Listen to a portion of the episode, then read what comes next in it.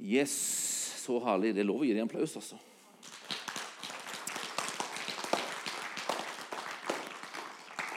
Nydelig, nydelig, nydelig. Jepp, kan vi få opp en um,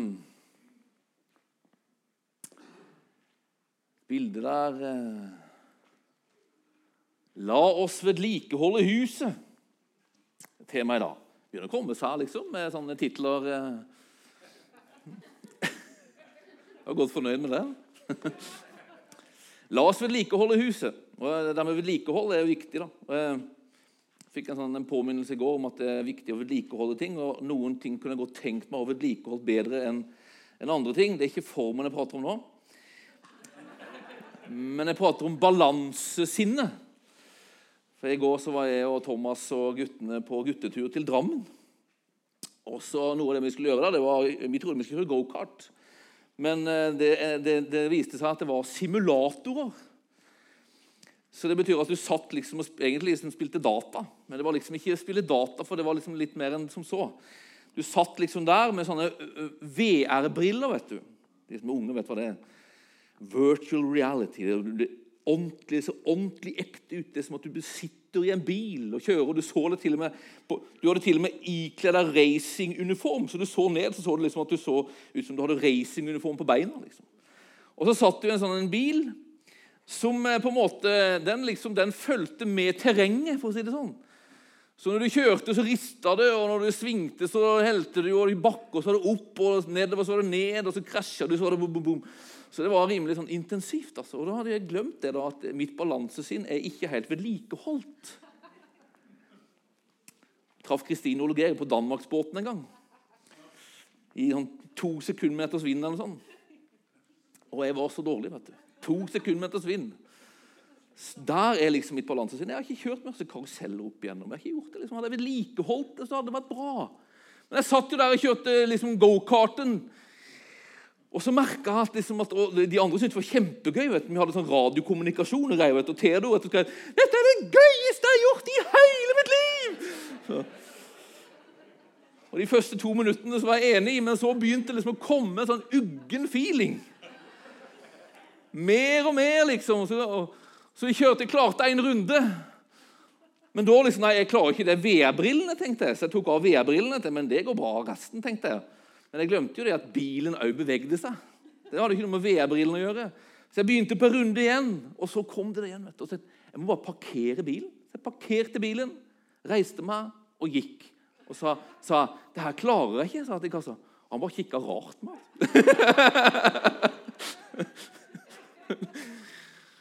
Men den veien hjem i går fra Drammen altså, og resten av oppholdet i Drammen er det verste jeg har vært med på noe. altså. Spydde to ganger og greier. altså. Det ble til og med bilsyk av å kjøre sjøl hjemover. altså. Så jeg kunne virkelig ønske at jeg hadde vedlikeholdt balansesinnet mitt. altså. Så kom jeg hjem vet du, og Theodor skulle inn og spille med vennene sine. Sånn der, han spiller jo sånne data, så kommuniserer de med hverandre. Først han sa at 'I dag har vi gjort det her, det her er det gøyeste jeg har prøvd noen gang.' 'Og pappaen min spydde to ganger!' ja da. Preach it. Vi skal ikke prate om å vedlikeholde balansesinnet mitt. Altså. Det kan være bra tips hvis du er ung. Jeg tenker at det er for seint, Kristine. Men er du ung, så ta mitt råd. Hold liv i det. Nei da. Vi skal prate om eh, et annet hus, eller et par hus, egentlig. For Når Bibelen prater om hus, så prater den om menighet. Og når Bibelen prater om hus, så prater den om er du. Og det henger litt sammen, det der. For dette, eh, det her store huset vårt det består av mange hus. Og begges, begge typer av hus trenger å vedlikeholdes for at vi skal kunne være det vi tror vi skal være og det er det der. Dette er visjonen vår.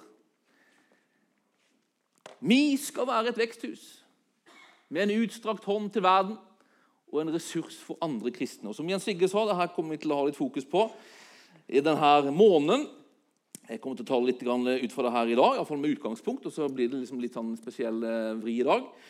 Og Så kommer Kristin til å tale om det her neste søndag. Og så kommer Asle Vikanes Hansen her. Han er pastor nå i Arendal misjonskirke kommer her 26. februar og skal prate om det her. Hva, hva tror vi at vi skal være som menighet? Tror vi? Vi tror masse. Altså. Vi tror vi skal være en ressurs for bygda vår. Vi tror vi skal være en ressurs for andre kristne. Og vi tror vi skal være et veksthus. altså. Òg for oss som er her. Vi hadde bønneuke for noen uker siden, og da, da, ba vi mye om det her. egentlig. Hva skal vi være som menighet? Vi ba, og ba for hver eneste grein i menigheten, og vi ba for bygda vår. Og vi, og vi ba liksom for at uh, mennesker skulle liksom uh, bli frelst, og vi ba for at vi skulle se vekst, og vi ba for at det skulle bli flere medarbeidere, og at vi skulle få være en velsignelse for, for mange. Men så, altså, gang på gang når vi ba liksom, for de her tingene som på en måte handler om resultater, så var det som gang på gang så var det som vi dro oss tilbake og inn i en, i en bønn som mer handla om noe den indre og litt sånn kjernefullt. altså. Der vi, der vi, kom inn i bønn og der vi på en måte ropte til Gud om at Gud, du må ta plass her. Vi trenger mer av du. Vi trenger liksom mer brann og mer iv, og Vi trenger mer av din ånd og din kraft i livet våre og i fellesskapet vårt. Det var som vi dro oss tilbake og liksom, så ble vi liksom bevisste på at ja, vi vil alt det der andre. Vi vil det der. Men forutsetningen for at det der skal kunne skje, det er at det fins noe inne i huset. Noe av Gud. Det fins et liv. Og Det er jo noe av det på en måte som visjonen vår handler om. Det handler om å være et, et veksthus. Og veksthus handler jo om liv. ikke sant? Det handler om liv og vekst. Liv og vekst. Tenk på, ja, det er fint. Vi er en del av Misjonskirka Norge, som har et sommerstevne liksom, som heter Liv og vekst. Det er Katrine, for, um, forresten liksom, nå er liksom, ikke festgeneral, men uh, stevnegeneral, heter det det? Festivalsjef, heter det. Ja, ja. ja, det er kult. Men liv og vekst. Vi trenger liv for å få vekst. Og Det er på en måte det som er Bibelens liksom, oppskrift til vekst. Det at vi er kobla til en kilde som kan gi oss liv. Så Bibelens liksom, oppskrift til at vi skal ha et sånt rikt indre liv, det handler om å være kobla med Han. Jesus han sier det sånn her i Johannes 15. sier 'Bli i meg, så blir jeg i dere. Slik som greinen ikke kan bære frukt av seg selv, men bare hvis den blir på vintreet, slik kan heller ikke dere bære frukt hvis dere ikke blir i meg. Jeg er vintreet, dere er greinene. Den som blir i meg og jeg i ham, bærer mye frukt. For uten meg kan dere ingenting gjøre, står det. Den som blir i meg, bærer frukt. Du vet, Når vi tar imot Jesus og gir livet vårt til han, så, så forenes vi med han. Altså. Vi kobles liksom med han. Og Bildet som Jesus bruker her, er at vi blir en grein som er kobla inn i et tre, som er kobla til en rot og et rotsystem der det strømmer liv. Livet, liksom, Det kristne livet tenkt skal være som et liv der livet kommer ifra Han. Og så må vi bare se til at vi liksom er kobla med Han. Sånn at livet liksom får komme til oss. I, i, I, Johannes 7 så sier Jesus det sånn her. Den som tror på meg, fra hans indre skal det, som Skriften sier, renne elver av levende vann. Dette sa han om ånden de som trodde på ham, skulle få. Ånden var ennå ikke kommet, for Jesus var ennå ikke blitt herliggjort. Så det er ånden altså som på en måte som sørger for at det her vannet fra Gud liksom strømmer inn i livet vårt. Så hvis vi, vi, tror på Jesus, så er det som at vi får eh, innlagt vann. Innlagt vann. Så er det. Men så er spørsmålet liksom mitt, da, som jeg tenkte på i dag det er er det automatisk at selv om vi har fått innlagt vann, er det automatisk at det her vannet liksom gjør noe nytte i livet vårt? Gjør en forskjell i livet vårt? Er det en selvfølge at det her vannet produserer liksom det livet og, og gjør det som det liksom har potensial til å gjøre? Jeg er ikke sikker på det. altså. Jeg tror faktisk at Bibelen peker på at vi trenger på en måte å gjøre noe for liksom å vedlikeholde livet vårt sånn at vannet som er i oss, kan gjøre nytte. Altså Det er litt omtrent som om vet, De fleste av har sikkert innlagt vann hjemme. Jeg har innlagt vann hjemme. Og det gjør meg til en vanneier. Jeg har vann. Men så tenkte jeg på det. Men, men det er ikke allikevel en selvfølge. Selv om jeg har innlagt vann, så er det ikke en selvfølge at jeg lar det vannet gjøre nytte i livet mitt. Altså. Jeg kan fortsatt være gørrtørst. Jeg kan gå hjemme gørrtørst selv om jeg har vann i huset. Selv om jeg har liksom en potensiell liksom, eh, tørsteslukker i huset, så trenger jeg på en måte å skru på krana, fylle glasset og drikke vannet for at det skal gjøre nytte. ikke? Jeg kan jo gå rundt og lukte svette og være dritsvart selv om jeg har vann innlagt hjemme. Jeg trenger å oppsøke dusjen eller legge meg i badekaret for å bli rein. Altså, litt samme er det med det åndelige livet. Vi har innlagt liv fra Gud. Vi har på en måte vi er kontakt med kilden. Vi har liksom kontakt med den rota der livet strømmer inn i treet. Liksom. Vi, vi, har kontakten i orden hvis vi tror på Jesus. Men vi trenger på en måte å vedlikeholde relasjonen og kontakten og koblingen sånn at denne koblingen liksom får gjøre nytte og får bety en forskjell. Å produsere det som den faktisk kan, og det som Gud faktisk vil gjøre i livet våre og i menigheten vår. Altså. Når vi ber liksom om at, eh, om at vi skal få være det her for bygda, og være det for andre kristne og være det for hverandre, så er det bønn i linje med Guds vilje. Han vil det. Men vi trenger på en måte å vedlikeholde relasjonen vår til Han. Kontakten vår med Han, koblingen vår til Han. Sånn at det Han vil, får skje. Sånn at det Han vil på en måte øse ut i vårt liv, kan liksom få, få gjøre nytte. Paulus han sier det sånn i Galaterbrevet 5. så sier han Lever vi ved Ånden? Det betyr, Har du fått liv ved Ånden? Har du fått livet i deg?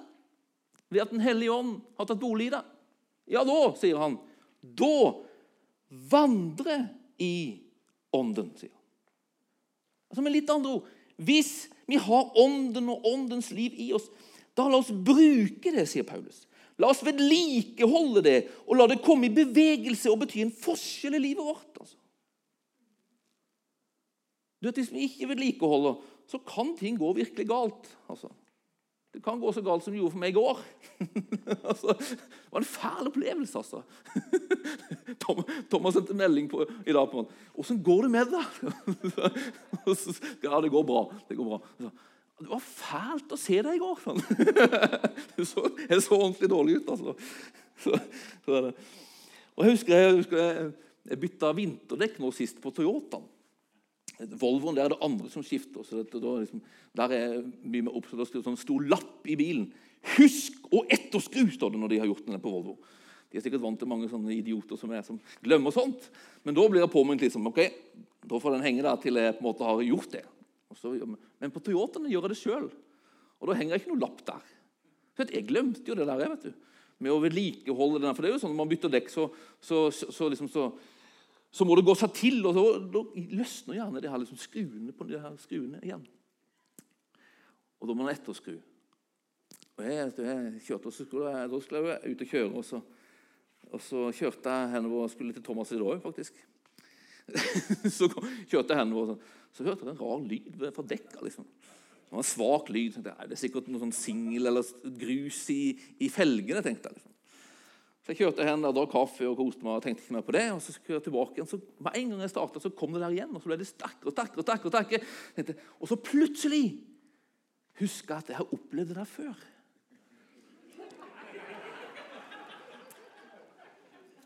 Og da var det dekka som løsna. Så plutselig slo det meg. Oi! Etterskruingen!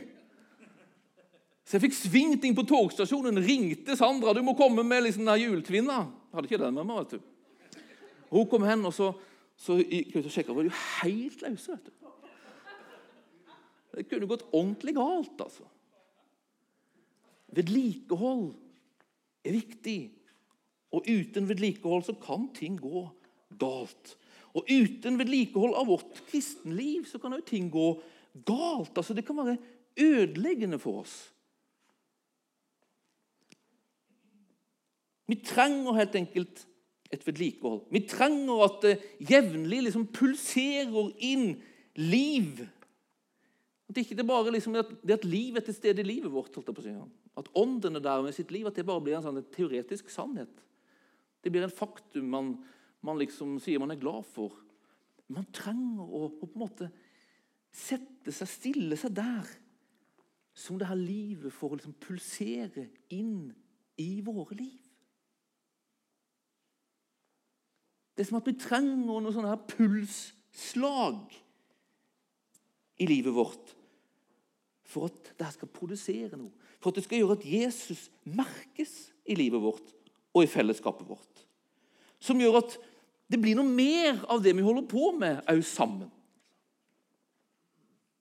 Altså, Jeg lengter etter at når vi treffer mennesker og sier hei, så skal de oppleve at det fins noe spesielt bare til stede i det heiet. Jeg jeg tror det kan skje. Jeg lengter etter det at når vi, når vi er ute blant mennesker, så, så, har vi på en måte en kjærlighet til mennesker som gjør at vi er mer tålmodige enn andre mennesker. Jeg tror det kan skje. Jeg lengter at vi skal ha frimodighet i møte med mennesker. Jeg lengter etter at mennesker kommer hit, så skal det på en måte merkes at her finnes det en til stede. Her er det en som har plass iblant oss og i livet vårt som, som på en måte ikke er alle andre steder automatisk. Det skal merkes at det fins en gjeng her som har innlagt vann. For at det er vann som er i bevegelse. Det må pulsere et liv iblant oss. Hvordan gjør det? Jo, det, det, det, pulserer et liv iblant oss når det pulserer et liv i den enkelte av oss. Jeg var på bønnemøte her på tirsdag. Jens Sigve slo et slag for det. Og det var så herlig, altså. Og Jeg satt der og tenkte at det her er jo fantastisk. Det her er liksom enighet. Det her er det trofellesskapet vårt skal være preget av. For da, da satt en der som hadde et ord fra Gud og slo opp og leste et bibelord. Og så var det en som hadde et profetisk bilde, og så var det en som hadde en sang, og så var det et nytt ord. Og så hagla det, altså. Ord og oppmuntringer gjennom hele rommet, altså. Fordi det var noen her som hadde på en måte satt vann i bevegelse som hadde et indre liv som pulserte, så preger det fellesskapet. Og da hjelper det òg oss andre, altså, som kanskje ikke er like påklobla den dagen. Som kanskje kommer, og det har vært kaos hjemme, og, og kanskje kommer og jeg ikke fått til å lese Bibelen hele uka. Og, men det fins det et liv i fellesskapet, så hjelper fellesskapet oss. Og så merkes det veldig godt for de som kommer utenfra. Altså, her var det annerledes. altså. Så vi trenger det. Vi trenger det vedlikeholdsarbeidet i gang i livet vårt. Vet, hver gang du leser din bibel, så er det som et sånn pulsslag. Du leser den bibelen, så er det du-dunk. Så pulserer livet inn. Eller hvis du bruker et annet bilde, da står du i dusjen. altså, da gjør liksom det her indre vannet nytte. Eller hver gang du handler for Bibelen. Du gjør noe fordi, fordi Bibelen sier det. Jeg gjør det i lydighet. Det er et pulsslag. Du-dunk. Hver gang du folder dine hender og ber, så er det et pulsslag. Hver gang du kommer hit til gudstjeneste, så er det et pulsslag. Og Jeg tror at vi trenger å ha denne, liksom, det her pulserende livet i gang. Altså.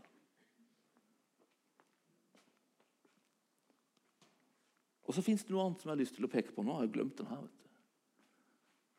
Det her er vedlikeholdet. Det er Theodor. Dette er pulsslaget. Og så har jeg lyst til å slå et slag i dag for det her sjette pulsslaget, det siste der. At vi har et liv der vi lever i lyset. Der vi lever i daglig omvendelse. Omvendelse, min venn. Jeg tror det er så viktig for at dette livet skal pulsere. For at vi skal stå i dusjen og for at liksom det her livet fra Gud skal få forvandle oss og prege oss. Og skape vekst i livet vårt og vekst i fellesskapet vårt. Omvendelse. Hva handler det om? Omvendelse. Det handler om å vende seg bort fra de stedene der dusjen av liv ikke er, til de stedene der Guds liv kan strømme inn i livet vårt. Det handler om å vende seg bort fra de stedene der han ikke er. Å vende seg bort fra det han ikke vil, til det han vil, og til de stedene der han er, så han kan få prege oss med det han vil prege oss med. Det handler om å vende seg bort fra alt som på en måte holder oss, holder oss borte fra han, og som stenger han ute fra livet vårt. Derfor er omvendelse en utrolig viktig ting for en kristen. Trenger vi omvendelse? Johannes han er ganske sånn her nådeløs holdt jeg på å si, i forhold til det. Han sier sånn Sier vi at vi ikke har synd? Synd det er alt på en måte du mislykkes med. altså. Det er alt du kommer til kort i. Når du kommer til kort i noe, når du mislykkes med noe, det er det Bibelen kaller for synd. Sier vi at vi ikke har synd, da bedrar vi oss sjøl, og sannheten er ikke i oss. så, så, så, okay. Trenger jeg omvendelse? Har jeg liksom synd i livet mitt? Er det ting jeg liksom kommer til kort i? Svaret ditt bør være ja. Hvis ikke så holder du på å bli bedratt, sier Johannes. ikke la oss lure. La oss være ærlige og erkjenne det. At vi trenger det, alle mann. Spørsmålet hos Johannes er ikke om man har ting i livet som man kommer til kort i, men spørsmålet er hva gjør du med det? Hva gjør du med det? Og Johannes liksom, formanende ord, det er å bekjenne dem. Det er å bekjenne dem. Dersom vi bekjenner våre synder, er Han trofast og rettferdig så han tilgir oss syndene og renser oss fra, for all urett.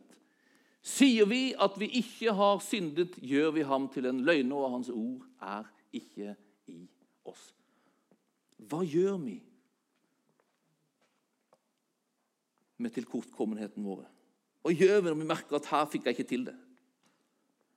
Hva gjør vi når vi innser at jeg er på feil sted?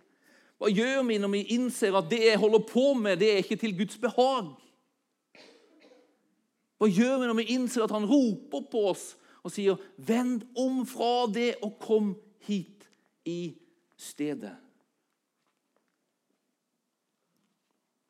Omvendelse er for alle. Vi trenger å leve i det. Det handler om å leve i lyset. det der. Det handler om å la livet ditt være åpent for Gud. Du kan få peke på ting i mitt liv, Gud. Du kan få vise meg ting i livet. Og når han peker på ting i livet, så handler det om å ikke på en måte gjemme det, ikke plassere det i mørket, men å fortsette å ha det i lyset ved at du sier 'Du har rett. Jeg vil ikke ha det.' Jeg vil vende meg fra det. Jeg vil gå din vei. Jeg vil gå den veien jeg er skapt til å leve. Vet, vi er ikke skapt for å synde. Altså, De nye skapelser kan ikke synde, sier Johannes. Det betyr at de nye skapelser, Den hellige ånd i deg, det han påminner deg om, det er på en måte rett. Det er fullkomment. Det Det er den rette veien. Nå skal vi ikke gå på sånn sidespor. Hold deg på plass videre. Så vi trenger det denne åpenheten i forhold til Gud. Og vi trenger å omvende oss. altså. Vi trenger å forlate våre veier, de som ikke er til hans behag, og i stedet gå på hans vei, iallfall ville det, for at hans liv skal pulsere i oss og blant oss. Hvordan gjør jeg? Hvordan gjør jeg? Og Dette er på en måte noe, det er, liksom, det er på en måte min praksis. Altså. Jeg vil leve i lys med mitt liv. Så jeg spør jeg stadig vekk. Så spør jeg Er det noe jeg ikke får til? Og det er det titt som tett. Altså, titt som tett. Og Spesielt så merker jeg det på en måte i møte med barna mine. Så merker jeg titt som tett at her får jeg det ikke til. altså. Jeg blir mer sint enn jeg vil. Jeg blir frustrert mer enn jeg vil. Så det fins ingen som er sånn en kilde til å årsake omvendelse fra meg som mine barn. og du kan ha dine ting, altså. Fins det noe jeg ikke får til? Han ønsker at vi skal ha den erkjennelsen når det er ting der. Når det er ting der.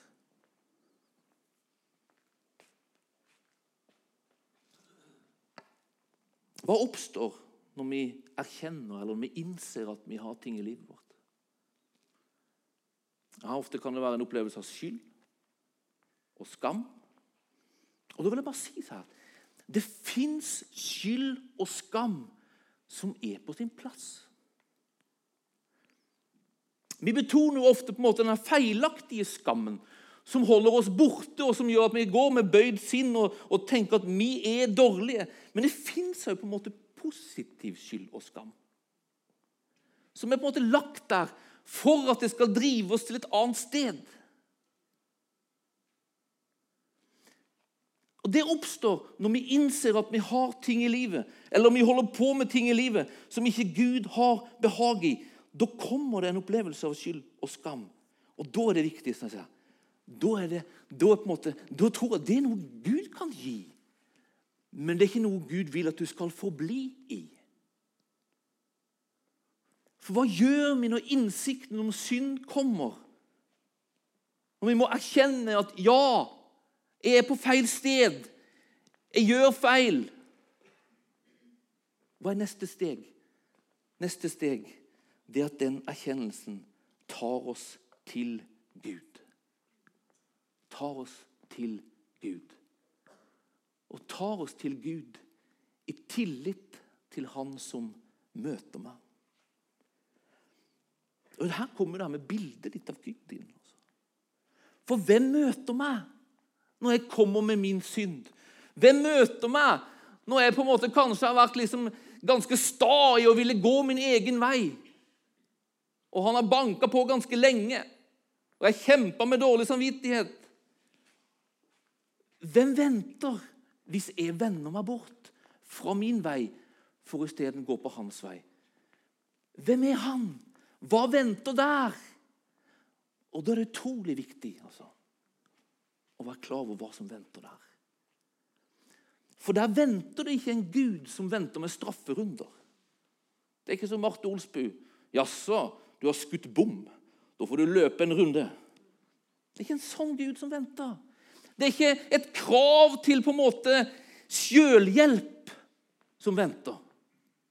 Nei, hos han så, så, er det på en måte ikke et krav som venter, men en gave som venter. Den gaven kalles nåde. Og Det er egentlig bare et annet ord for gave. Hva venter der når vi kommer med vår bekjennelse, vår erkjennelse? Jo, da venter det tilgivelse. Og ikke bare det, men det venter òg hjelp. Gud har gitt en gave. Han har gitt en hjelper. Han har gitt Den hellige ånd. Han er det innlagte vannet. Men han kalles òg hjelperen. Og når vi kommer der med vår bekjennelse og stiller oss hos Han og så erkjenner og bekjenner, hva er det som er i gang da? Vann. Levende vann. Det står med denne nåden at den er utøst over våre liv. Hva er det han hjelper oss med? Jo, han hjelper oss til å leve i linje med hans vilje istedenfor det vi har holdt på med. Han hjelper meg til å bli tålmodig. Det står om Den hellige ånd at han, han, er tålmodig og virker tålmodighet. Så når jeg erkjenner det Gud, jeg har det ikke. Hjelp! Han elsker sånne bønner. Altså. Det er jo akkurat det han har gitt ånden for. Perfekt, sier han da. Bare stå her. Bare hold det her. Bare vær her. Og la mitt liv pulsere. Det er Den hellige ånd. Hva produserer Den hellige ånd? Den produserer hellig liv. Det er sånn vi forvandles. Ved at vi stiller oss hos ham. Men vi må vende oss bort. Han står her, han, og roper. Kom her! Vend deg bort! Kom her!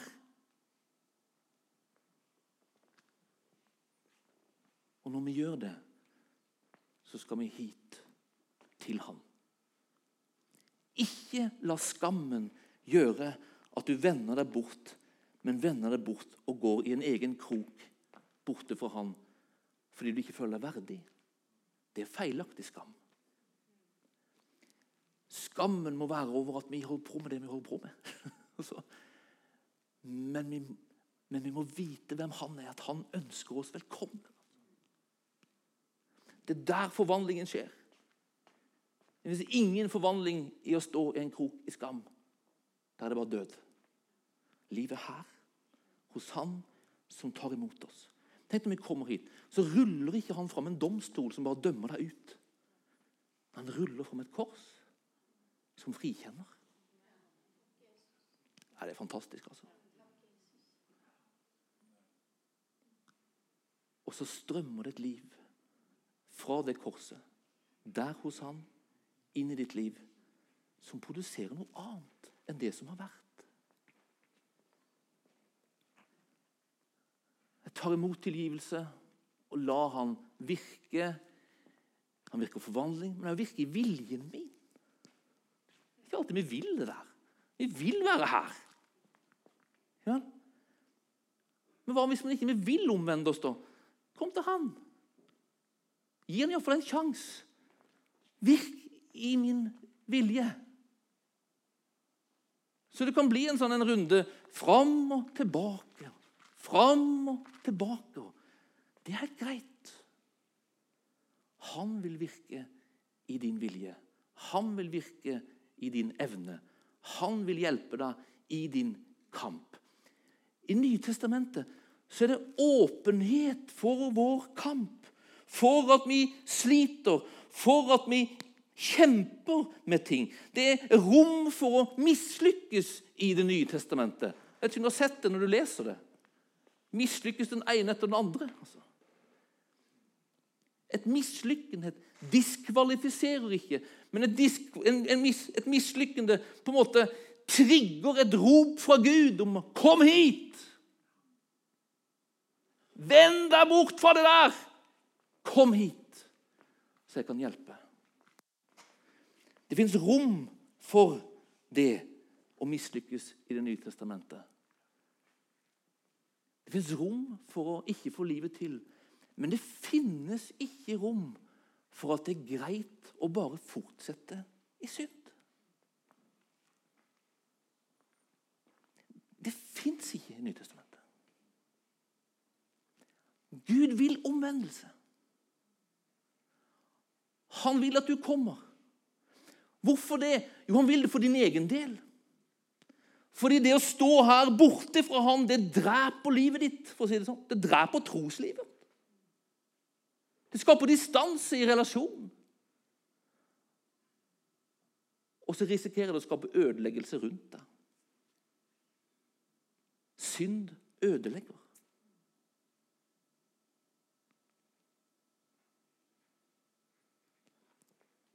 Så Gud, han, han hater synd, står det. Hvorfor det? Fordi synd ødelegger. Det ødelegger det han elsker. Det ødelegger enten du eller de rundt deg. Det ødelegger. Så hans rop er alltid 'omvend deg'. Omvend deg. Det fins stort rom for å ikke få livet til. Men det fins aldri en sanksjon til å bare fortsette i synd og være likegyldig til det. Og Her er Nytestamentets alvor. Altså. alvor.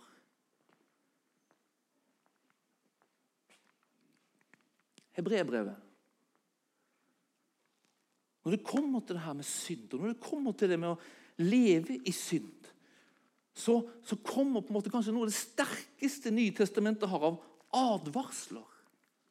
Pass opp! Pass dere! Stopp!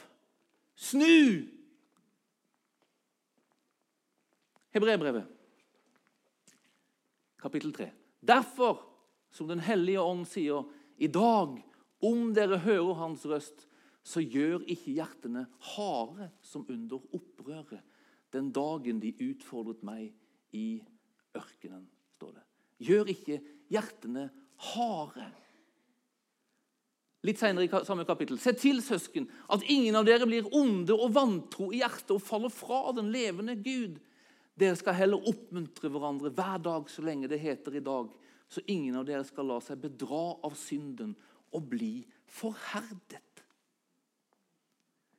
Det å stå her Det å si at jeg vet at det jeg gjør, er feil, men jeg vil fortsette å stå her. Da forherder man hjertet sitt, sier Bibelen. Og igjen, det handler ikke om kampen. Der du egentlig vil dit og prøver å komme dit, men hele tida dras tilbake til, til vaner og til handlingsmønstre som du vet er feil, og som ikke er til behag for Gud. Det handler ikke om denne kampen, det handler ikke om å få det til. Men advarselen her handler om å, om å på en måte stenge hjertet for ropet om Vend deg om! Kom hit! Og i stedet stå og på en måte forsvare sin rett til å gå sin egen vei. Den veien Gud ikke har behag i. Her advarer Nytestamentet oss. altså. Hebreerbrevet er en sånn stor advarsel. Kom ikke på glid! Kom ikke bort! Men vend om tilbake til Han du har valgt å følge. Det som skjer her, hvis du går her, det at du forherdes, det at du kommer på distanse, og ytterste konsekvens at du faller fra den levende I Hebrebrevet så er det en reell mulighet å falle fra den levende Gud. Det er alvoret i Det nye testamentet når det gjelder å leve i synd. Gud vil ikke det. Han vil ha du nær. Han vil ha det her. Han vil at det skal være en levende, varm relasjon du er i med han. Og Jeg tror det gjelder å vokte livet sitt. altså. Derfor har jeg valgt at jeg vil ha en sånn daglig omvendelse i mitt liv. Jeg vil leve mitt liv i lyset. Jeg vil ha et sånn pågående spørsmål. Gud, er det noe? Og nå er Det ikke sånn, det høres ut som det var, liksom, var, var allting med mitt liv var feil. Det er det ikke. altså. Men jeg er veldig åpen for korreksjon. Altså. Og jeg vil være det. Sånn, jeg vil ikke ha et forherda hjerte. Jeg vil ha et mykt hjerte. Altså. Så når jeg senser noe og her er det noe, så erkjenner jeg det, og så kommer jeg til han fort og sier 'Hjelp meg med det'. Og han er kjapp med det. altså. Dusjen er på den. Så strømmer det tilgivelse, så strømmer det nåde, strømmer velbehag, strømmer godhet. Og du vet, Når du kommer der, så vil du jo omvende deg. Det står at hans godhet driver oss til omvendelse, sier Paulus. Så han vil ha oss hos seg sjøl.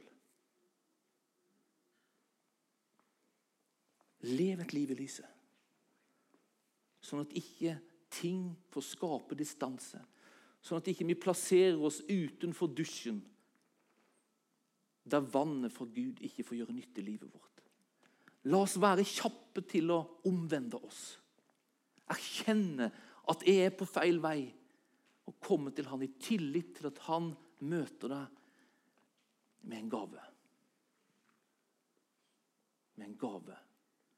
Med hjelp med det du strever med, med hjelp til forvandling.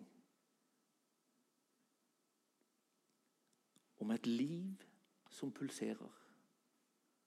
Sånn at det han vil bringe inn i livet ditt, får gjøre en forskjell i ditt liv og i vårt liv sammen. Så jeg drømmer om et fellesskap der Bibelen får leve iblant oss som et pulsslag. Buh, buh, buh, buh. Produsere liv som gjør at det vi holder på med, betyr en forskjell for oss, for bygda vår, for andre kristne og for Gud og det han vil i vår verden. Jeg ønsker at bønnefellesskapene våre skal være sterke. Det skal et pulslag i gang. Buh, buh, buh. Bønnemøter her. Bønnegrupper hjemme. Bønner si, som, lever, som bes den, i det enkeltes lønnkammer og i små, spontane fellesskap. Bønn. At bønn er til stede i vårt menighetsfellesskap. Jeg vil at fellesskapet vårt i kafeteriaene og på andre steder òg skal booste det åndelige livet vi har sammen. Det var et kult ord. Men det skal finnes en puls til stede. Når Tor Aslak smiler til meg, så er det som at Jesus smiler til meg. For det finnes et pågående liv. Når Jens Sigve liksom står her, leder møtet, så er det som at det oser noe liksom, av Jesus. Altså. Så vi kommer hit og har hatt en dårlig uke eller en dårlig dag, så fins det noe i fellesskapet. Noen som ser det i øynene og bare sier 'så godt å se deg', som bare booster det åndelige livet ditt. Altså. Jeg tror på det. Hvis det her pulslaget får leve i oss og iblant oss. Og så vil jeg at vår menighet skal være et fellesskap der det er lett å omvende seg. Der vi heier, og der vi er fulle av omsorg og hjelper hverandre med sånt, står det. At det var omvendelse. Det å hjelpe hverandre til Jesus. Og Når vi gjør det, så trenger vi å komme og representere Gud sånn som han er. Han kommer ikke med en, med en, liksom en domstol. Da kan ikke vi heller komme med domstolen. Vi kan komme med den domstolen som sier at du er på feil vei. Du trenger å komme til han som ikke vil dømme deg, men som vil hjelpe deg. På den måten kan vi godt bedømme livet vårt. Men vi skal ikke dømme hverandre ut. Vi skal hjelpe hverandre til han som vil hjelpe. Vi må representere Han som har en gave å gi. For å hjelpe mennesker til Han, sånn at vi kan være en gjeng som står hos Han og har, er, er, på et rett sted med Han. Sånn at det vannet som er lagt inn i oss gjennom Den hellige ånd, får komme til nytte og bringe liv. Så vi blir en gjeng som ikke bare liksom har Ånden som en slags gjenstand på en hylle, men som òg vandrer i Ånden. Vandrer i Åndens kraft og med Åndens hjelp og bringer Den hellige ånd inn i fellesskapet og ut til mennesker der ute. Jeg har ikke peiling på hvor lenge jeg har talt. Nå tror jeg at jeg er ferdig. Amen. Himmelske Far, vi bare takker deg for at du er iblant oss, og for at du har tatt bolig i oss, Herre. Herre, vi bare, du kjenner oss. Herre. Du kjenner livet vårt. Du ser hva vi får til, og hva vi ikke får til. Herre. Og Herre, Vi bare ønsker å komme til du med hele oss. Herre. Vi ønsker å leve i lyset, Herre. For du er lys. Vi ønsker å leve vårt liv innenfor du. Og vi vil gi det tiltrede. Som salmene sier, prøv du hjertet mitt. Du får lov til det. Å prøve hjertet mitt, Herre. Og hvis du finner ting der, hvis det er ting der, så skal du få peke på det. Og vi lar du få gjøre det, Herre, i tillit til at du vil hjelpe oss med det. Herre, vi vil bringe det til du. Vi vil være en gjeng Herre, som er kjappe til å vende om, Herre. Fra vår, fra vår gale vei, Herre, og veier, Herre, og til din rette vei, Herre. Vi vil at du skal få din vilje med våre liv. Vi vil at du skal få din vilje med vår menighet. Vi vil, Herre, være med og, og la dine drømmer komme til virkelighet, Herre. Vi vil, Herre, være en utstrakt hånd til denne bygda, for vi tror at du vil ha en utstrakt hånd til denne bygda. Vi vil være en hjelp for andre kristne, for at vi tror at du vil være en hjelp for andre kristne. Vi vil, Herre, skape et veksthus her, for vi tror at du, Herre, vil skape et veksthus her. Kom, du. Ta plass, Herre, i livet vårt enda mer, og ta plass i fellesskapet vårt enda mer. Herre, Herre vi vil ikke ha ting som tar, opptar din plass. Vi vil ikke ha ting som hindrer du tiltrede, Herre. Vi vil gi du alt sånt. Vi vil vende oss fra alt sånt. I tillit, Herre, til at du vet vår beste og vil vårt beste. Og vi vil gjøre det for at du skal få ære, Herre, gjennom våre liv. At du skal få bli synlig gjennom våre liv. At du skal få bli merkbar gjennom våre liv. Vi vil gi opp våre veier, Herre, for en større hensikt. Herre. Din hensikt.